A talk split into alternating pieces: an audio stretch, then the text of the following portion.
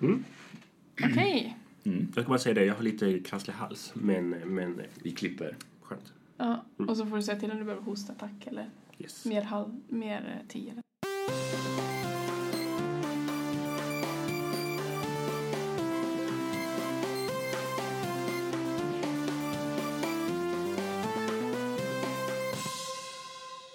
Hej och välkomna till Behåll hatten på som produceras av Skruv förlag. Idag är vi i Uppsala på Kyrkans Ungas förbundskansli.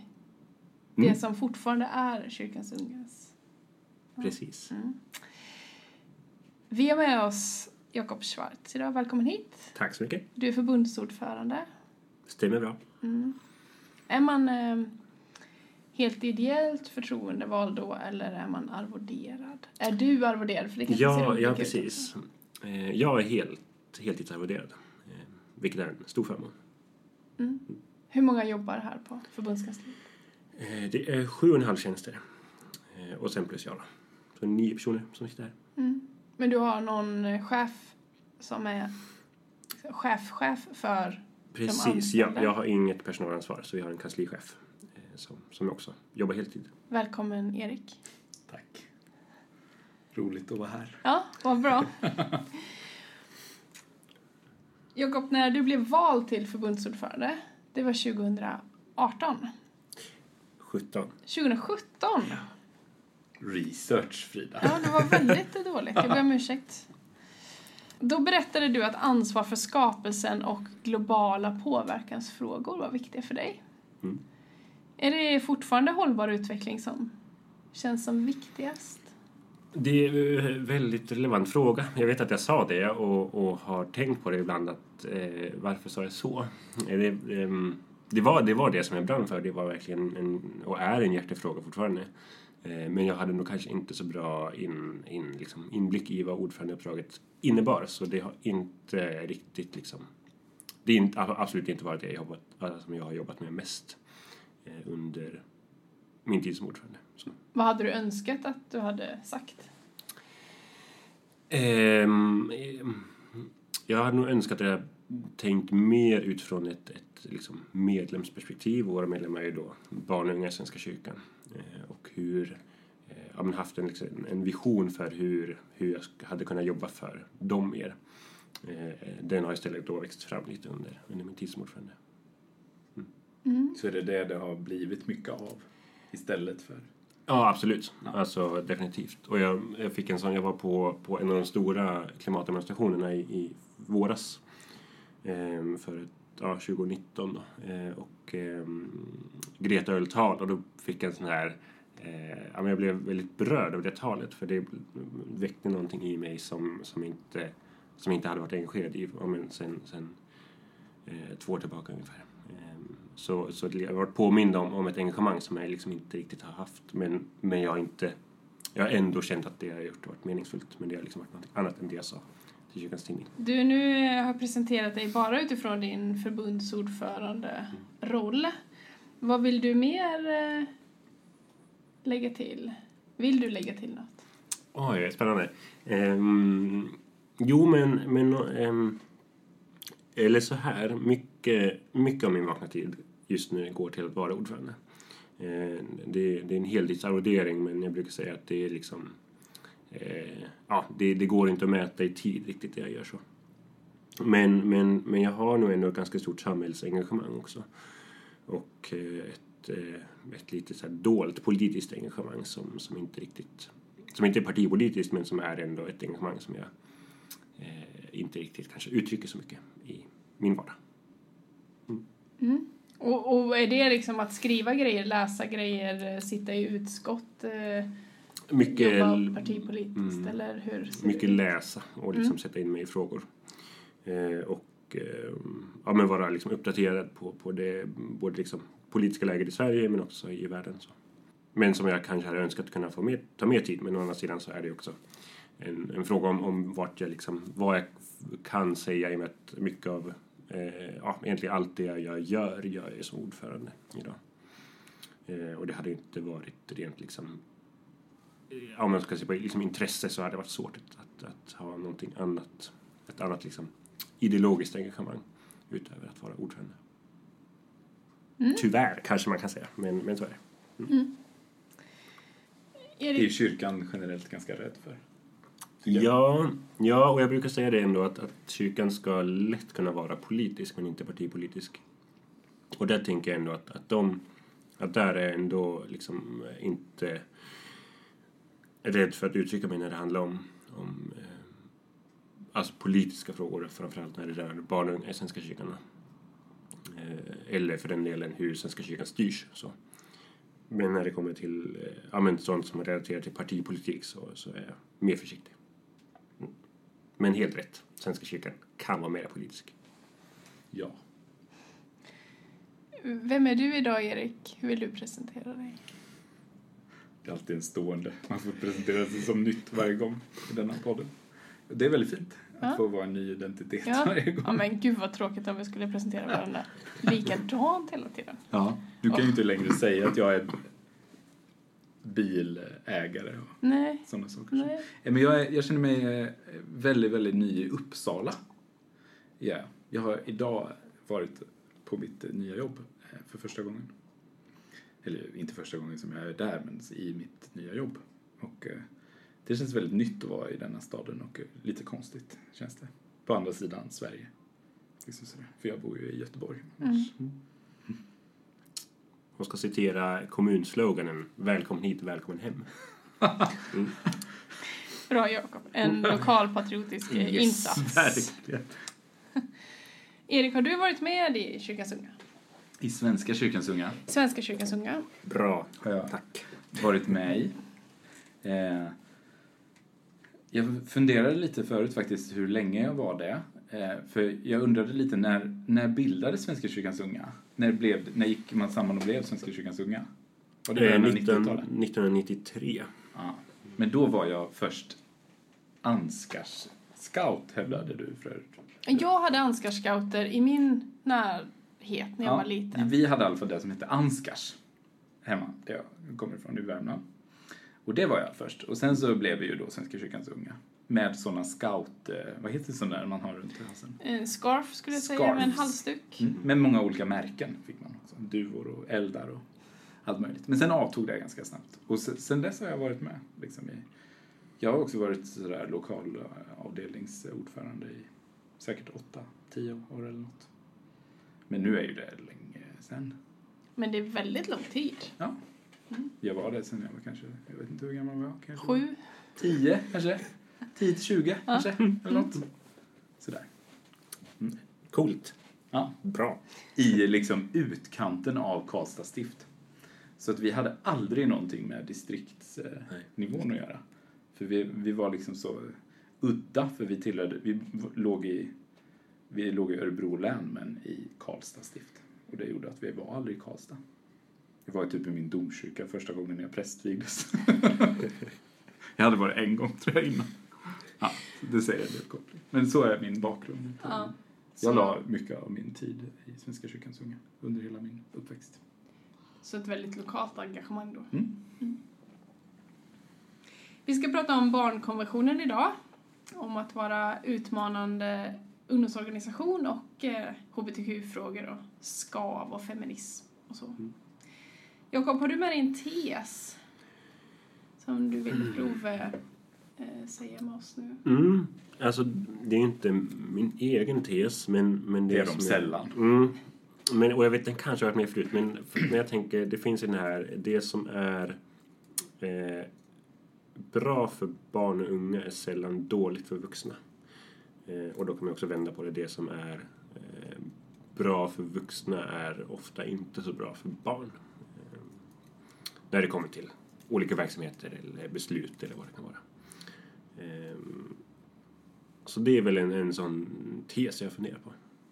Bra, vi tar med oss den tesen, Jakob. Får vi se om vi, det är den vi spikar på slutet. Ibland ändrar de sig lite.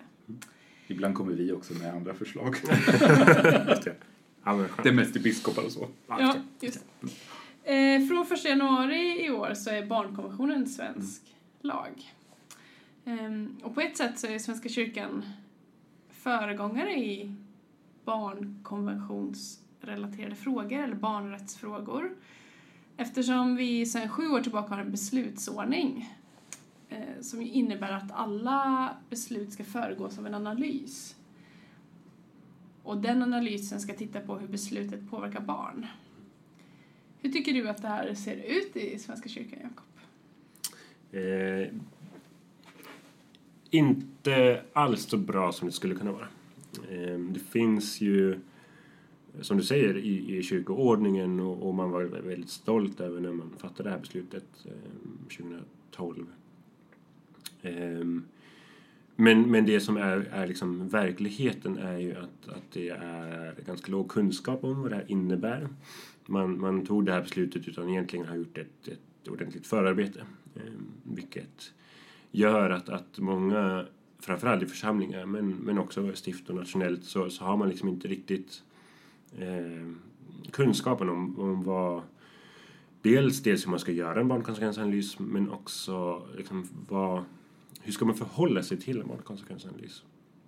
Jag brukar säga det att det är alldeles för många när man söker på Svenska kyrkans internet efter barnkonsekvensanalys så kommer det upp många, många checklistor där man eh, ja, men, så där, som liksom är till för att inför eh, kyrkorådsbeslut eller, eller kyrkofullmäktigebeslut eller vad det kan handla om eh, så har man den här checklistan och så, och så finns det liksom ja, men, eh, Påverkar beslutet barn? Ja och nej. Och så ja så kan man svara på olika, så här, hur påverkar det barn och så. Och så finns det då också nej-rutan. Och så kan det stå nej om inte, varför så. Men, men, men en checklista blir alldeles för, för långt avstånd från eh, liksom den verkliga, alltså verkligheten någonstans. Eh, att, att eh, har man checkat, eh, du, du, så att säga, du uppfyller ju kyrkoordningen genom att checka av den här listan. Eh, utan att alls ha behövt prata med, med med barn. Ehm, och ändå måste ju en, en barnkonsekvensanalys också ta barn i beaktande, tycker jag, för att den ska vara legitim. Eh, och det är också därför det är så, så bra, som du säger, att barnkonventionen har blivit lag, eh, som ju faktiskt säger att ja, men barn ska eh, komma till tals och man måste också ta det barn säger i beaktande. Ehm, så. Ehm, ja, så, så mycket kan göras bättre. Men det görs också bra saker eh, på sina håll. Eh, men, men kunskapen behöver höjas om ja, men, vad, vad innebär det att göra barnkonsekvensanalys och vilka konsekvenser bör en barnkonsekvensanalys få? Mm. Vad tycker du, Erik? Vad ser du av barnkonsekvensanalyser i församlingsarbetet? jag delar väl den eh, bilden av att det görs väldigt eh, slarvigt. Eh, och jag vet i någon checklista i något pastorat som jag jobbade så fanns det en så här eh, ruta, det fanns alla de där checklistrutorna som du nämnde, men det fanns också så har barn tillfrågats? Och så får det ja och nej.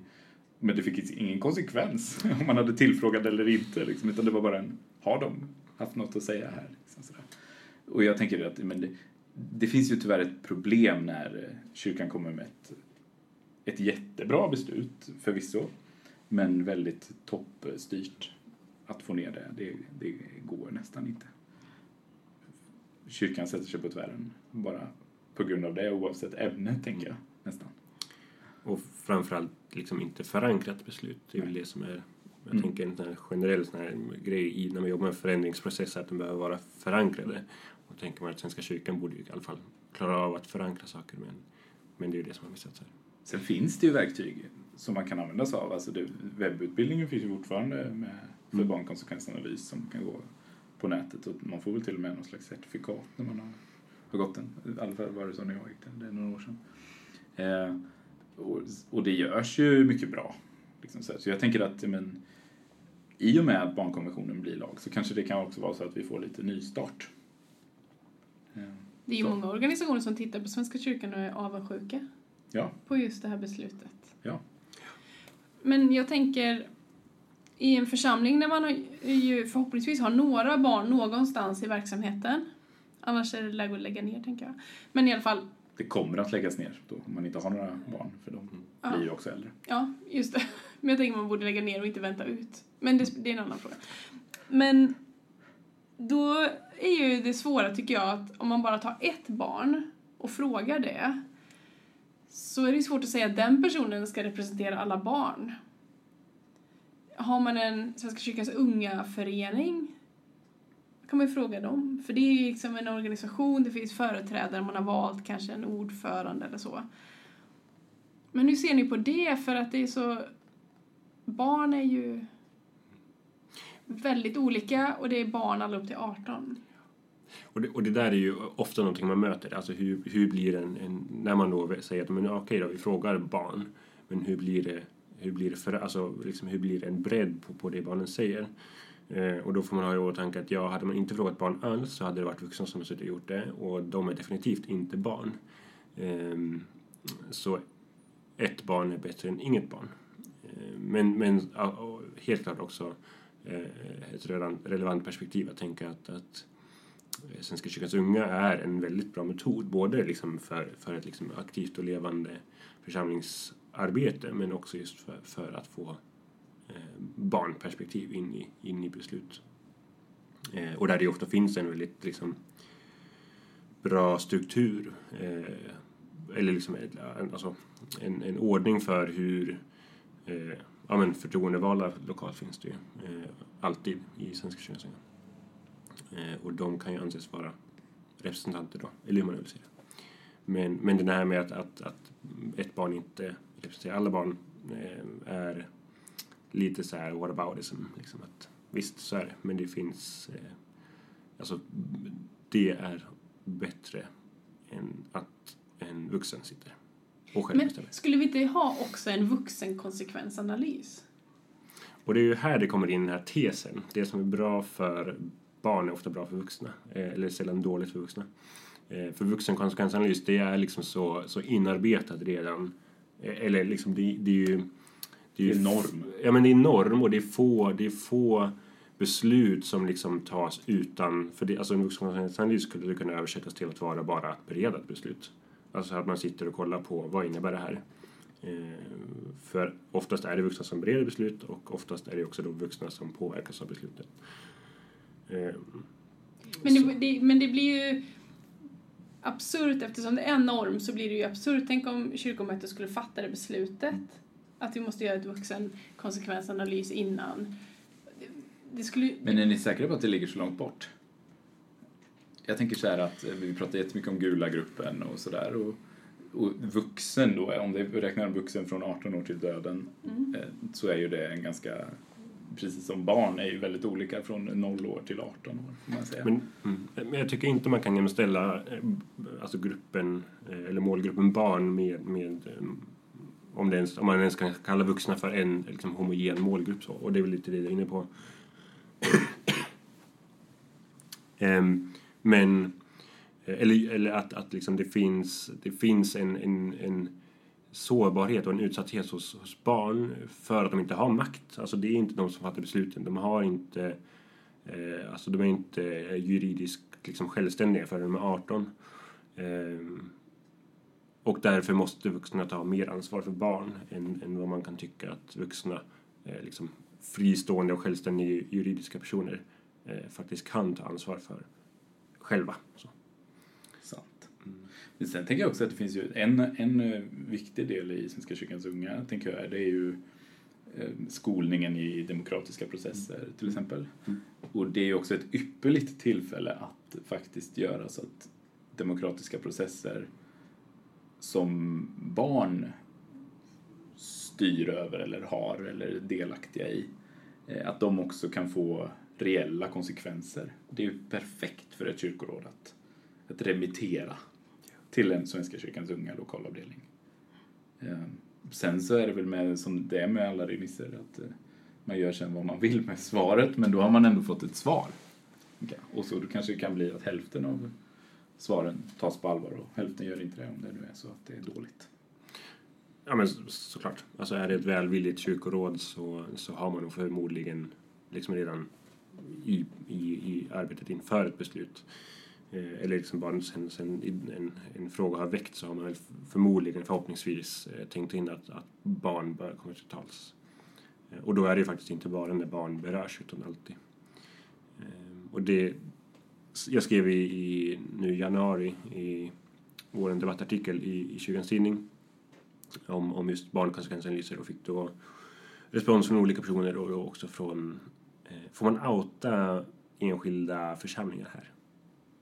En fråga. Ja, det Mm. vet bara du. Men... Eh, Okej, jag kan säga så här. Ett, eh, eh, ett, ett större pastorat eh, norröver som, som ska göra stora besparingar och så har man, har man, ehm, har man eh, ehm, beslutat att, att, att säga upp eh, ganska många personer eh, varav större delen är pedagoger. Eh, och då har man gjort en, en, en, en barnkonsekvensanalys som man kallar det, eh, där det står att eh, ja, barn kommer påverkas negativt av det här men eh, det tar vi inte vi hänsyn till. Eh, Men, men, men det, är det som också är förvånande och det som lite så här ställer din... Eh, alltså det här med att Svenska kyrkans unga är en, en bra metod för att få barnkonsekvensanalys på, liksom på, på eh, ja, om det liksom verkligen funkar är att det faktiskt finns en ganska aktiv lokaldelning i, i det här pastoratet. Eh, och, eh, och där handlar det, alltså någonstans handlar det om vuxnas välvilja återigen. Alltså vuxna har mycket, mycket mer makt än vad barn har. Och än vad ungdomar har. Och kan ganska enkelt, utan konsekvenser uppenbarligen, förbise, eh, förbise liksom, ungas behov.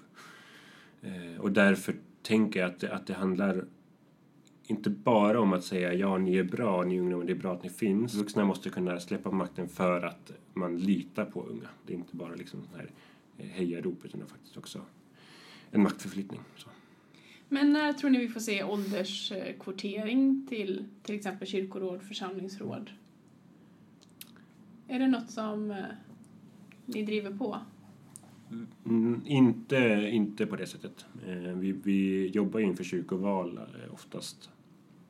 Eh, senast förra kyrkovalet och kommer också göra det inför det här kyrkovalet med att... eh, Kyrkoval 2021. Ja, men precis. Yes. Eh, att, eh, att man kan ställa upp. Alltså från det att du är 18 år så får du ställa upp i kyrkovalet. Och också då från det att du är 16 så får du gå och rösta. Ehm, så Frida, det, Frida driver en egen kampanj här att, eh, att alla som har suttit eh, mer än två, typ två mandatperioder inte ska ställa upp till omval. För att ställa sin plats till förfogande för unga. mm, Kanske kan vara en poster-person. Det är eh, dags att planera för sin avgång nu. Det är den Mm. linjen hon driver. För att min, min generella linje i livet är att varje gång man tar sig an ett eh, förtroendeuppdrag eller ett uppdrag så ska man också planera för sitt avslut. Då kan man inte bara sitta och bara... Nej. Och jag är så trött, nu har jag rantat om detta i ett annat avsnitt, men jag är så trött på folk som säger så här, oh det är ingen som vill ställa upp, det finns inga unga, vi behöver ungdomar och så sitter man kvar och häckar på sin stol. Vi hade 2001, inför valet 2001, eh, en, en kampanj som hette Det är svårt att resa sig upp när man suttit för länge. Revival på den kanske? Ja, men precis. Ehm, och som väckte ganska mycket liv. Alltså, dels de som tyckte shit vad bra, det stämmer ju precis. Alltså, vi, vi, måste, vi, vi har också ansvaret att, ansvar att just flytta på oss om vi har suttit för länge. Men också många som var så här att, att min kompetens eller min e, erfarenhet kan inte bedömas utifrån, eller min liksom relevans i, i, i det här liksom beslutande organet kan inte bedömas utifrån hur länge jag har suttit. Alltså att det borde vara helt okej att sitta i 40 år och fortfarande vara relevant. Liksom. Men om man kommer in där och är ung. Jag var 18 år när jag satt i kyrkoråd Mm. första gången. Och hade då gått till den här Svenska kyrkans unga skolan. Så kan man inte kalla den kanske. Men, men det, det är ju precis som du säger att det är ju en fantastisk demokratisk skola eller vad man nu kallar det. Eh, så är ju inte det så himla härligt att sitta där ensam. Utan jag tänker att ska man in i ett kyrkoråd, kanske framförallt i en större enhet i Svenska kyrkan idag, så, så skadar det inte att vara två och kanske ha någon som ändå kan ha ens rygg lite grann. För att eh, påverka normen behöver man ju vara minst en tredjedel om man kommer in som minoritet. Så det är ju viktigt att alla, många flyttar på sig, så att säga. Nej, och, och visst, så är det och, och det är ju någonting som vi också försöker lyfta fram i Svenska kyrkans unga, att vi tycker inte, bara för att vi jobbar för ungas platser i kyrkan så är ju inte vuxna orelevanta så. så att just för att, för att man behöver eh, Eh, man kan också behöva liksom den, den, det mentorskapet som, man- som man får eh, av de som ändå har suttit längre. Eh, och att det också är värdefullt, men att det också finns liksom ja, att det, man, man kommer in och man ska inte bara vara den här ungdomskvoten utan man ska också vara där för att man har erfarenhet från Svenska kyrkans unga eller vart man nu kommer ifrån. För jag tänker att det styrande organ ska ju spegla de, de som är i verksamheten. Och då behövs ju alla. Det är ju inget konstigt för vi har ju verksamhet för alla. Verkligen. Och, och där finns det ju då mm, två saker. Det, dels finns det ju liksom de rent formella begränsningarna. Alltså, jag kan ju tycka att man borde kunna vara valbar i Svenska kyrkan också från det att man är 16 eh, eller ännu yngre beroende på vilken, vilket sammanhang så. Men För du får rösta, man får rösta, precis. men är inte valbar. Och det, jag vet inte vad det beror på. Jag antar att det har med liksom juridisk... Precis. Någon du juridisk får inte stå för juridiska... Men så här då, om, om folk nu slu, inte ställer upp till omval, Mm. då är ju ni redo. Ja, verkligen. Absolut. Och, och det är ju... Det är ju eh, Många, när vi pratar om, alltså, så här, ibland så, så lyfter ju frågan om att man, ska man kvotera in ungdomar faktiskt? Alltså ska man ha en ungdomskvot i kyrkomötet som är liksom det nationella organet? Eller, eller ska det finnas eh, liksom, direktiv för, för kyrkoråd hur många unga som ska, ska in eller om man ska ha dedikerade ungdomsplatser, vad det nu kan handla om så.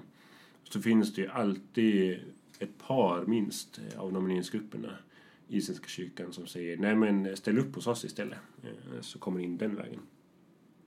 Och när man då faktiskt kollar på deras nomineringslistor eller deras liksom kandidatlistor så, så är det ju sällan att, att, liksom, att den, den kvot som vi har förespråkat av unga eh, att, att de har samma kvot unga på sin lista på valbar plats. Visst, man kan ha någon liksom långt ner men den sannolikheten att den blir vald är ju låg och det vet gruppen också själva. Hur är det nu? Står det eh, ålder på valsedlarna? Ja. Det tror jag bestämt. Jag kan tänka mig att man får välja Född själv. år. Ja, det kanske är nytt nu med GDPR förresten. Men det har ju i alla fall gjort det. Men kan Ett vi, yrke. de som, de som, om man kan välja det kan vi ju också uppmana folk att ha med det på sina Mm. listor. Gärna. Och vi kan uppmuntra alla att eh, rösta ungt. Ja, men precis. Det är definitivt en, en eh, bra taktik. Det är bra. Eh, att vara ungdomsorganisation i partipolitiska sammanhang det är ju oftast att vara den organisationen som driver på, som går lite längre, som är lite före ibland och som är lite efter ibland. Det är olika, men man, man står alltid i dialog till själva moderpartiet. Eh, är det så för er också? Och vad tycker du i så fall att Svenska kyrkans unga driver på just nu? Jo, men vi står vi alltid i dialog till Svenska kyrkan. Alltså jag brukar ändå hävda att Svenska kyrkans unga är ju ingenting utan Svenska kyrkan. Alltså vi, är, vi har en, en, liksom en stadga som säger att vi är en demokratisk rörelse av barn och unga i Svenska kyrkan.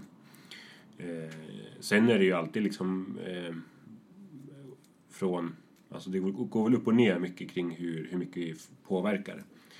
Eh, och det där är också en sån fråga som som skiljer sig ganska mycket åt beroende på vilket plan man befinner sig på. Eh, nationellt så kan vi ganska bra vara en påverkande aktör och, och driva eh, kyrkopolitiska frågor eller, eller sånt som, som rör barn och unga som, som behöver förändras.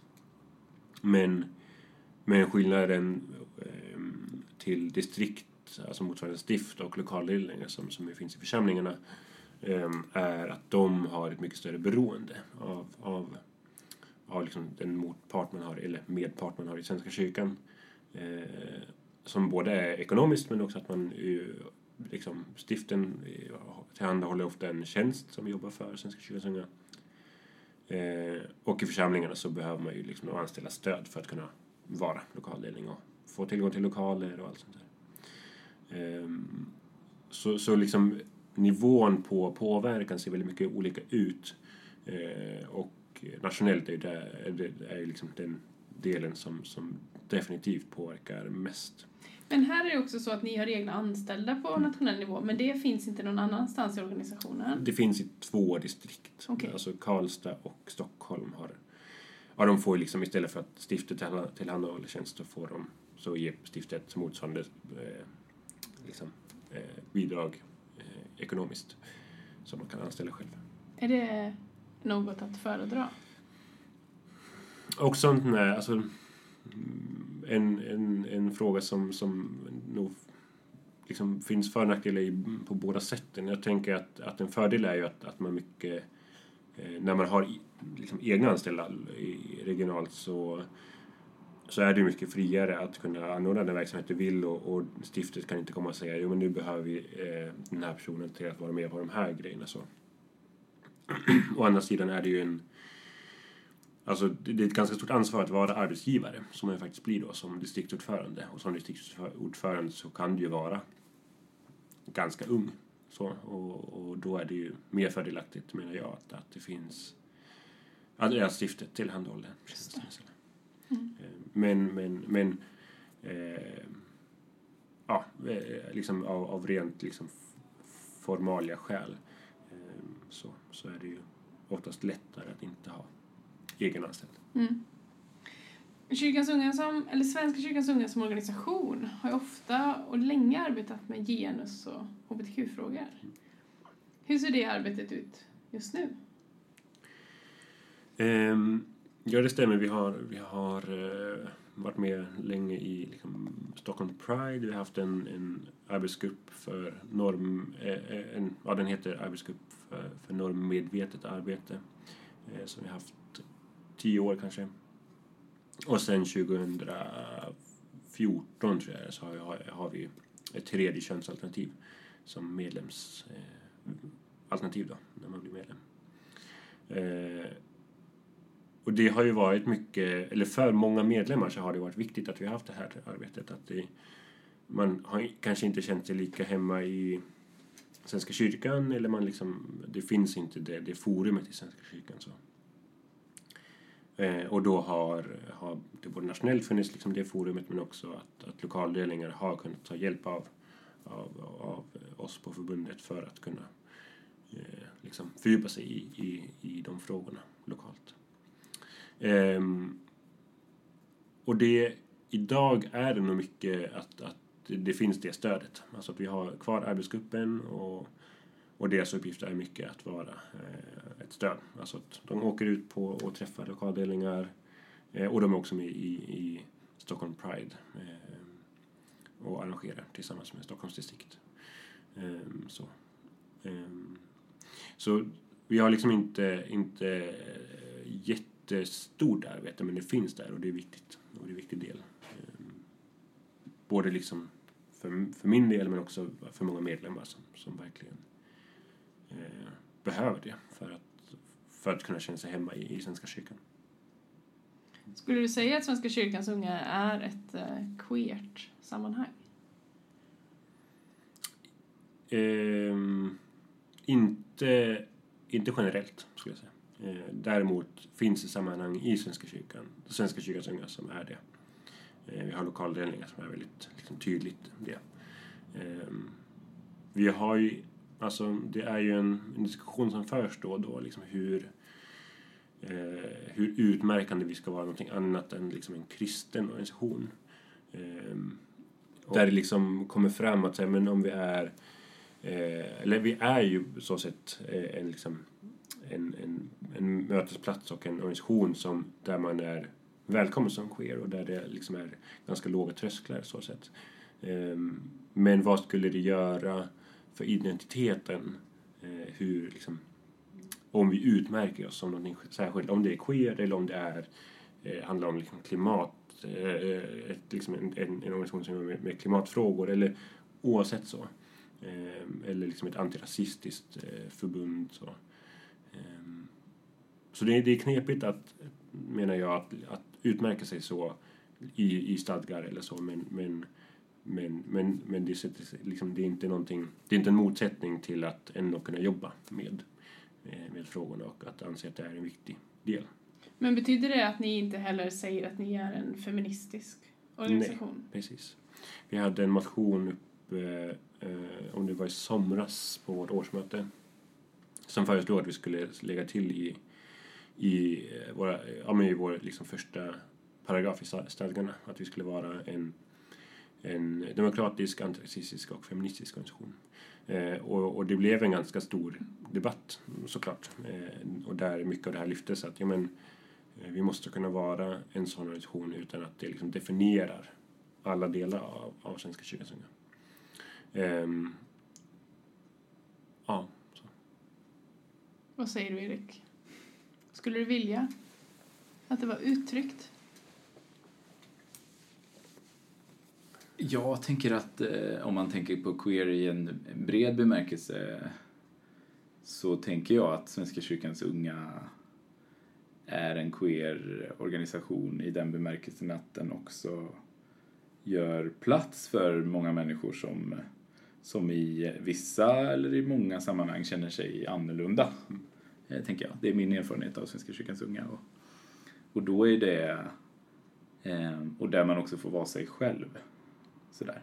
Det kan till exempel den här ja, men demokratiska skolningen bli en nästan en, eh, en god flykt från ett ganska hårt liv just där och då. Och så, så på så sätt så tycker jag att, eh, att den redan är det. Sen så, sen så men jag kanske håller med om att i, i stadgarna kanske det inte ska finnas det då, men sen kan man ju göra uttalanden som organisation som, som säger si eller så. Eh, Och vi jag bara förtydligar att vi liksom inte är anti eh, queer eller, eller antifeministiskt. Eh, och, ehm, eh, och det ställdes också på sin spets i somras på, på årsmötet när, när, när det liksom framställdes som att bara om man, om man skulle avslå den här motionen så skulle det innebära att vi var rasister. Liksom så. Och det, det, är inte, det är inte så enkelt så, men, men en, en sån sak som vi gjorde 2014 när vi införde det, det liksom tredje könsalternativet var ju att vi ganska, vi, eller ordförande Amanda då tillsammans som vice ordförande skrev i Kyrkans Tidning att det här gör vi inte bara för att liksom behovet finns men också som ett ställningstagande. Mm. Eh, att hos oss är man välkommen oavsett könsidentitet. Eh, och det var ju också ganska kontroversiellt då. Det fick ju liksom uppmärksamhet från, från liksom både inomkyrkligt i Svenska kyrkan men också ekumeniskt. Så. Ehm, och det menar jag liksom att det var ett, ett väldigt bra beslut. Alltså att, att vi vågade både införa det men också tydligt ta ställning i, i och med att vi gjorde det eh, var nog avgörande för, för, för många av våra medlemmar.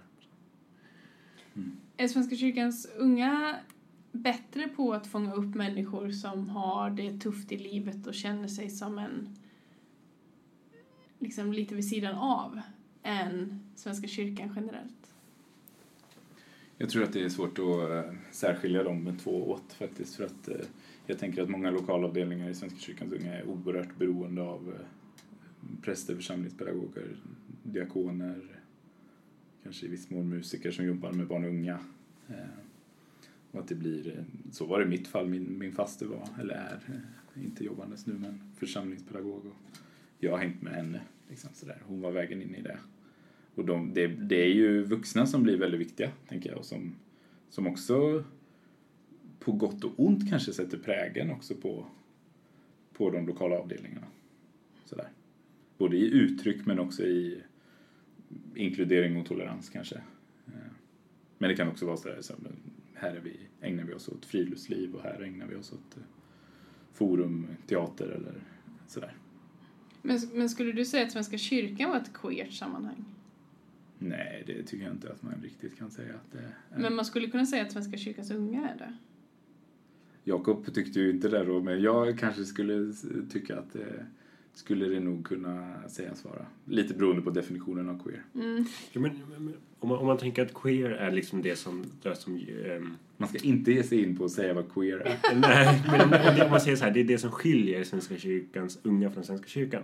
Alltså att, att, att i den mån, eller i den liksom bemärkelsen är vi queera. För att vi hos oss känner sig fler välkomna än i Svenska kyrkan. Ehm, Men då borde vi ju lägga ner Svenska kyrkan och bara ha Svenska kyrkans unga. fast Svenska kyrkans unga är ingen egen kyrkogemenskap. Nej, men vi, men vi kan väl bara Ta över. skifta lite? Exakt. Ja, men för jag tänker att då maktkupp. lyckas ju Svenska kyrkans unga bättre. Ja, det är det jag Men- pratar om, maktkupp. Mm. Att vi ska ta över. Men men då är ju frågan... ehm, eller, eller alltså, för det finns ju också de som inte känner att de ryms i Svenska kyrkans unga. Ja. Eh, då, Vilka är det? Skulle du kunna säga någon slags... Alltså det handlar nog... Eh, framför allt om de tror jag som liksom är eh, eller så här, en av våra stora utmaningar tror jag är att, eller vet jag, och det är i och för sig inte unikt för, för Svenska eller för, för alltså det, det är ganska generellt, liksom en generell utmaning för de traditionella ungdomsorganisationerna eh, också. Eh, att nå ut i, i de områden eh, liksom, som är ganska segregerade. Eh, och där, där liksom vi inte har kanske den verksamhet som lockar så mycket. Eh, och, eh, och därför är vi en ganska liksom, vit medelklass Svensson-organisation. Ehm, och det är verkligen en utmaning. Så, så vi hade inte... Det är en av våra utmaningar, att vi inte riktigt når eh, i de områdena. Eh, och där det finns eh, liksom, svensk-kyrkliga församlingar som gör ett jättebra arbete. Så. Eh, men, men, eh, men sen också de, och, och där är ju... finns ju liksom åt båda hållen på något sätt, men Svenska kyrkans unga är ganska liberal teologiska om man kan säga så. Och då finns det ju dels de som är mer konservativa och som har liksom eh, är uppvuxna i en konservativ församling eh, som, som inte känner att men, unga är inte riktigt liksom där vi hör hemma. Eller att man ens känner behov av att organisera sig. Eller åt andra hållet att man är väldigt eh, karismatisk så. Eh, som inte heller kanske trivs i Svenska kyrkans unga utan går till SALT eller, eller andra eh, eh, ungdomsorganisationer eh, som, som är mer karismatiska. Jag tänker också att det finns ju något i det där. Jag jobbade i Angered som är förort till Göteborg mm. tidigare och, eh, och där eh, i pastoratet fanns eh, Svenska kyrkans unga men det var ju den delen som var mer etnisk eh, svensk kan man säga.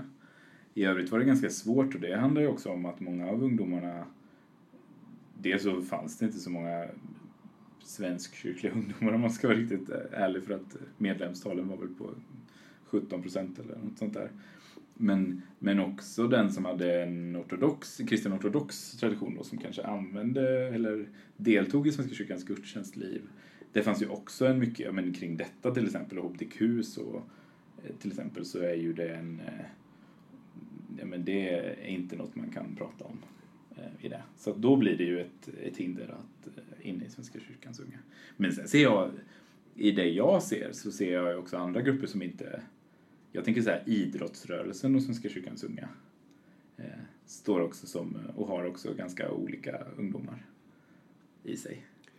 Eh, jag tänker att, eh, jag vet inte om man får säga det, men, eh, men i de sammanhang som jag har varit så de, de riktigt coola idrotts... Eh, jag kommer från Degerfors, det var ju så här fotbollsmecka, tyckte de i alla fall själva. Eh, så var ju inte fotbollskillarna med i Svenska kyrkans unga. För det var inte nog credit. Eh, ja. Eh, yes. Eh, och vi får det... se om vi kan ta bort den här lilla delen. Nej, men det tycker jag inte vi ska ta bort det här, för jag känner igen det jättemycket från min scoutväxt. Mm. Jag får säga det var vi som inte var bra på fotboll har jag alltid sagt. Som inte, det var ju vi som var, var i scouterna. Men, men också det som, som du pratar om, det här med vilka, vilka, vilka fångar Svenska kyrkan upp. Alltså är det bara de i marginalen så? Eh, men, men också de som är liksom så här mellanmjölk. Eller, eller så här, inte att det är något dåligt, men... Men... men eh, och så ser det också ut i Svenska kyrkan. att de som, de som, de som liksom är, mycket hänger i Svenska kyrkan i ungdomsverksamhet är ju ofta de som, som kanske inte har, eh, liksom, ja, men har en, en idrott som man går på eller eller ett stort annat socialt ja, men, exakt, nätverk. Exakt, exakt. Eh, så, jag, ja.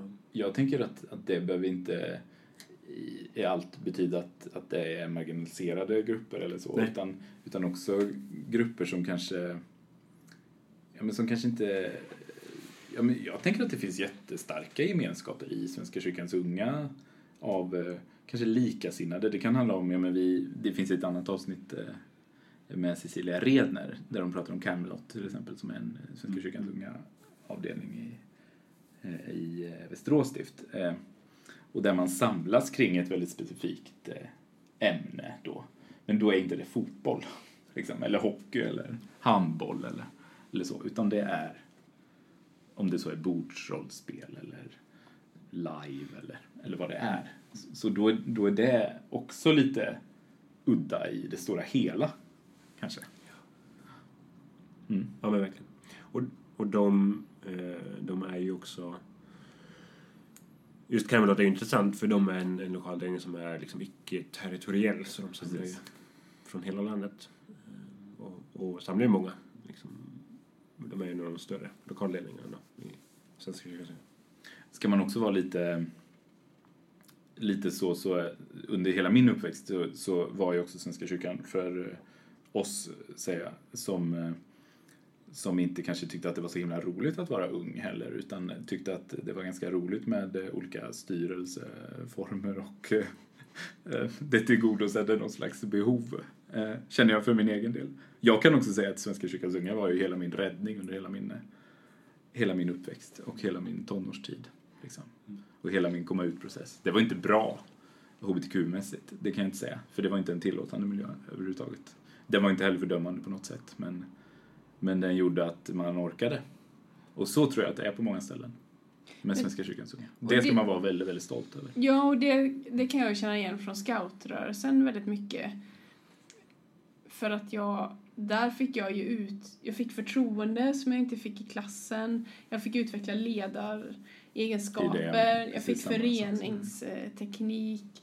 Ehm, det, och det var ju något skönt att vara i en verksamhet där vi som var där var där för att vi ville. För klassrummen är ju, ända upp till nian så är ju klassrummen Tvingande miljöer. Mm. Tvingande miljöer med, med en så otrolig bredd av personer som eh, har olika studiemotion, olika bakgrund. Så att den här, de här fritidsaktiviteterna blir ju något eh, det är ju något frigörande för då kan man ändå vara med människor som lite mer är som en själv. Och det där blir också, eller kopplar också an till det som, eh, eller idag när det här spelas in så, så släppte eh, Sveriges, kristna, Sveriges kristna råd en, en rapport eh, om, om unga kristnas utsatthet i, i svenska skolor. I mitten, slutet av februari 2020 när vi spelar ja. in det. Om man vill leta rätt på den här. Precis. Eh, eh, den heter Unga troende i samhället, den här rapporten. Eh, som visar på att, att närmare eh, hälften av alla eh, kristna unga, och då är det från alla kyrkofamiljer, eh, har uppgett att de har blivit kränkta för sin tro i skolan. Ehm, av klasskamrater eller, eller andra, andra liksom, som, som man möter i skolan. Och också en fjärdedel av de här svarande uppger att man har blivit kränkt av en lärare för sin tro. Ehm, och det här, här kommer det ju också in liksom vilken roll Svenska kyrkans unga kan ha. ehm, och där, där en av liksom de... Och jag har ganska liksom fått upp ögonen för, för det här problemet ganska nyligen, bara förra året. Ehm, eller jag har själv varit ganska liksom förskonad från, från den problematiken. Eh, men där Svenska kyrkans unga blir liksom på ett nytt sätt då, eller för många säkert eller existerande sätt, en, en viktig mötesplats där man också får vara där man är, alltså en, en ung person som har en, en kristen tro. Um, Ser man skillnader i den här rapporten utifrån samfunds eller kyrkofamiljstillhörighet? Mm, alltså det som ju är kanske den stora skillnaden är ju mellan eh, Svenska kyrkan, alltså lutherska och frikyrkliga och ortodoxa och katoliker som Eh, där ortodoxa och katoliker ofta har en, liksom en, en mer kulturell eh, bakgrund kopplad till sin tro. Medan frikyrkliga och, och svenskkyrkliga inte, inte har samma liksom, kulturella bakgrund, man har samma, samma kulturella bakgrund som, som sina klasskamrater så ofta.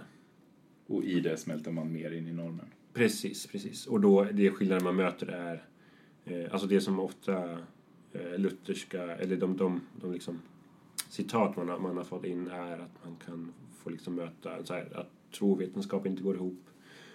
Eh, eller att man är dum i huvudet för att man har en tro eller, eller att man... Eh, ja, olika sådana kommentarer medan eh, ortodoxa katoliker kan höra att, att man alla, alla kristna är pedofiler eller eh, påven är en hora eller vad det nu kan vara. så. Eh, så, så det är ju en, en, en utsatthet där jag hoppas att Svenska kyrkans unga och de andra kristna barn och ungdomsorganisationerna eh, eller för den delen, och det här det har undersökningen, eller den här enkäten har inte svar, liksom, riktat sig så men förmodligen så är det, gäller det här alla eh, unga som har en tro, att man är ganska utsatt. Men jag hoppas att, att eh, de, de religiösa ungdomsorganisationerna kan vara liksom ett, ett eh, eh säkert, en säker plats. En gissning är väl att eh, judar och muslimer, unga, är ännu mer utsatta. Absolut, verkligen, verkligen. Så är det definitivt. Och bra att, eh, att det lyfts. Mm, verkligen. Det. Eh, och det är liksom, om man... Alltså, och just det att lärare också utsätter är nog det som skaver mest hos mig. Mm. Att det inte... Alltså visst, man kan någonstans förstå.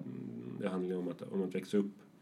Det här med att ifrågasätta sin, sin klasskamrats liksom, världsbild eller livsåskådning. Så att lärare och, alltså då framförallt naturvetenskapslärare eller religionslärare eh, är så pass liksom eh, fördomsfulla. Eh, är ju bara liksom förkastligt och helt, alltså det, det går ju helt emot skolans uppdrag att vara en, en skola för alla och att vara en, liksom en demokratiaktör. Så, ehm, så det är ju verkligen en liksom utmaning att, att hur kan eh, kyrkorna, hur kan vi som ungdomsorganisationer vara en mötesplats för unga troende eh, men också hur kan vi påverka eh, kommuner och, och andra skolaktörer till att, till att faktiskt ta ansvar i den här frågan att det är inte okej okay, att, att den här miljön finns i svenska skolor. Nu har ju Svenska kyrkan börjat arbetet med trygga möten.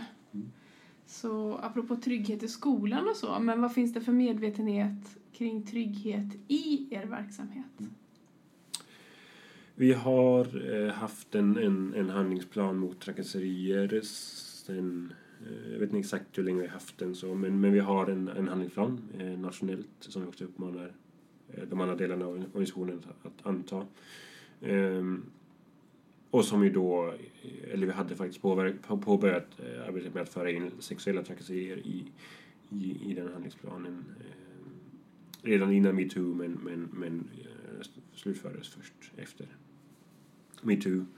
Eh, men, men, men att det liksom alltid, just för att vi är en, en barn och ungdomsorganisation och det, barn och unga är extra utsatta eh, så måste det finnas en beredskap och en, liksom ett förarbete också eh, för att det inte ska kunna förekomma eh, kränkningar och, och eh, liksom, sexuella trakasserier eller, eller trakasserier på grund av eh, kön, sexuell läggning, etnicitet och så vidare eh, i Svenska kyrkans unga på våra mötesplatser. Har du gått så trygga möten, utbildning Erik? Nej. Nej. Jag har inte det. Jag ska göra det. Mm. För jag, jag kommer snart att jobba med det. Så det är dags. Ja, det kommer ligga på ditt... Det kommer ligga på mitt... eh, Ja, vad bra. Vettigt, rimligt. Rimligt och vettigt. Det är verkligen rimligt att jag ska gå det. Mm. Det är ju för övrigt en webbaserad Mm. utbildning. Precis. Så den kan ju alla gå Mm. tillsammans med mig. Tillgänglig för alla församlingar i Svenska kyrkan. Just det. Det kanske inte är så att den är tillgänglig för alla, nej. Eller måste man... Och Hur når man den? Eh, det vi har fått höra är att man ska höra av sig till kyrkkansliet. Okej, så det är inte bara en länk. Då ska man höra av sig till Nej, mig, precis, man får- uppenbart. Erik Gylle. Man får en, en eh, personlig eh, Ah. inloggning. Jag ska sätta in mig mycket mer i detta Ja, efter det första mars. Det vore väldigt bra, tror jag. Men ehm, eh, kan, förtro- kan och ska förtroendevalda också gå den? Ja. Eh, kan absolut. Alltså alla tror jag som... som, som alltså det, är ju- det är ju väl, tänker jag, de som arbetsleder ideella och anställda som jobbar med barn och unga som, som bestämmer om man ska gå eller inte. Men, De behöver ha kunskapen Ja, verkligen. det, tänker jag. Och det är fullt rimligt att man går. Alltså trygga möten är väldigt bra. Eh, kommer ju från scouterna från början. Eh, men, men liksom, eh, ja, förkunskap är ju A och O för att, för att motverka och också kunna hantera de fall av, av trakasserier som förekommer. Mm. Ni var båda på Svenska kyrkan och Ekos transhearing i slutet av 2019. Vad tar ni med er därifrån med tanke på barn, barns rättigheter? Mm. Eh, det eh, som jag fick möjlighet att se då, som jag fortfarande tänker på, är, är just hur, hur Svenska kyrkans unga kan liksom utöka eller liksom, liksom utvidga eh, sitt arbete med, med de här frågorna. Eh, och, och på ett liksom eh, ännu bättre sätt kanske vara, vara en, en, en organisation som man, som man får plats i. Eh, eh, om man är trans. Alltså att det inte, ja, uppenbarligen så, så, så, är det inte, kan inte, eller liksom den, eh, det välkomnandet finns inte i alla svenskkyrkliga församlingar. Och då tänker att det är rimligt att man som ung eh, kan ha Svenska kyrkans unga som, som liksom hem. Eh, men också att Svenska kyrkans unga eh, kan liksom ta ställning för de unga som, som är trans. Eh, och det har vi också gjort eh, alltså, i, och med, i och med det tredje könsalternativet så, så, så blev det för många liksom en, en, ett sätt att, att fortfarande känna tillhörighet till, till Svenska kyrkan och Svenska kyrkan. Ehm, men, men jag tror att, att eh, vi måste, vi måste liksom hitta former där, där det blir ännu, ännu tydligare att man är välkommen. Tror jag. Um. jag tänker så här att hur är det, jag ska svara på frågan också. Mm. Men, men jag tänker också kring eh, ja, men, eh, könskategorier och så är jättebra tänker jag. Men det är också, men mycket av Svenska kyrkans ungas verksamhet är också lägerverksamhet tänker jag. Och jag tänker att det finns enormt mycket att göra kring läger och sovande och duschande och Lekar. lekande och så. Eh, att göra som, som berör transpersoner i synnerhet. Eller eh, konfirmanddop i kåpor ute i en sjö. Ja. Det är liksom helt otänkbart ofta ja. för en person med transerfarenhet. Mm. Och där har vi ju, nationellt har vi ju eh, alltid eh, liksom separata duschutrymmen för den som vill, behöver, eh, liksom anmäla det. Eh, så, och, och har nog ett medvetande ändå om, om, om lekar och liksom vad är vad är en utsättande situation för transpersoner? Um, jag tänker att det faller också in med din tes att det som är bra för personer mm. med transerfarenhet är bra för alla andra. Mm. Och det som är bra för alla andra är inte nödvändigtvis bra för trans eh, Absolut, precis, precis. Och det är ju... Eh, jag tror ändå, eller alltså... Så jag är liksom inte jättemycket inne i den operativa verksamheten här nationellt. Jag är mycket mycket strategiskt och mycket kontakt med andra organisationer så men, men, eh, men, men ändå så är jag liksom är jag ganska säker på att vi inför alla sammanhang funderar på hur är vi välkomna för alla eh, och ja men det är liksom ofta en, en ett krav också när vi väljer plats för, för våra årsmöten eller så att det finns eh, eh finns just liksom förutsättningar för att alla ska känna sig välkomna. Mm. Det är ju en av de vanligaste frågorna som vi får Frida när vi är ute och föreläser. Hur ska vi göra med uppdelningen sovandet med mm. tjejer och killar mm. till exempel. Eh, men det är väl också så här, i detta finns väl en, en jätteuppmaning till alla som har lägergårdar där unga, barn och unga vistas. Att, men vem tusan gillar sådana där duschrum utan mm. väggar emellan? Det är väl ingen som gör. Nej. Nej men det är ju helt, det är uppenbart din tes, det stämmer också där vad gäller duschväggar. Mm. Det är ju helt... Eh, och det hade ju alla, hade detta varit vuxna, ha konferensgårdar eller stiftsgårdar där man har duschrum, där alla ska duscha i samma rum, det hade ju inte gått kan man säga. En liten anekdot bara, jag pratade, eller för två år sedan kanske så debatterade jag i Kyrkans Tidning om, om hur förmånligt det är att vara kyrkomötesledamot och att man får sova i enkelrum. Eh, och då var det en som var framme och så här, eh, tänk om vi skulle sova i tvåbäddsrum, det skulle inte, inte funka. Eh, så här bara, ja, vi sover på golv, 20 pers i ett rum. Men det är sant, alltså här, vad är det för... Alltså, allt spelar in någonstans också, också hur man sover. Men, men man har ju så väldigt olika perspektiv och jag tror att det har mycket att göra med eh, också så här, vad, eh, som kanske är den svåraste frågan för oss. Alltså, och nu pratar jag mycket utifrån från Svenska kyrkans ungas, Svenska kyrkans ungas egen verksamhet och, och Eh, kan också bredda det till, till liksom Svenska kyrkans ungdomsverksamhet. Men, men, men utifrån vår egen verksamhet, alltså här, eh, vad har de som kommer som deltagare på våra arrangemang, eh, hur kan vi eh, liksom hur, hur ser vi till så att de också är, har det här medvetandet?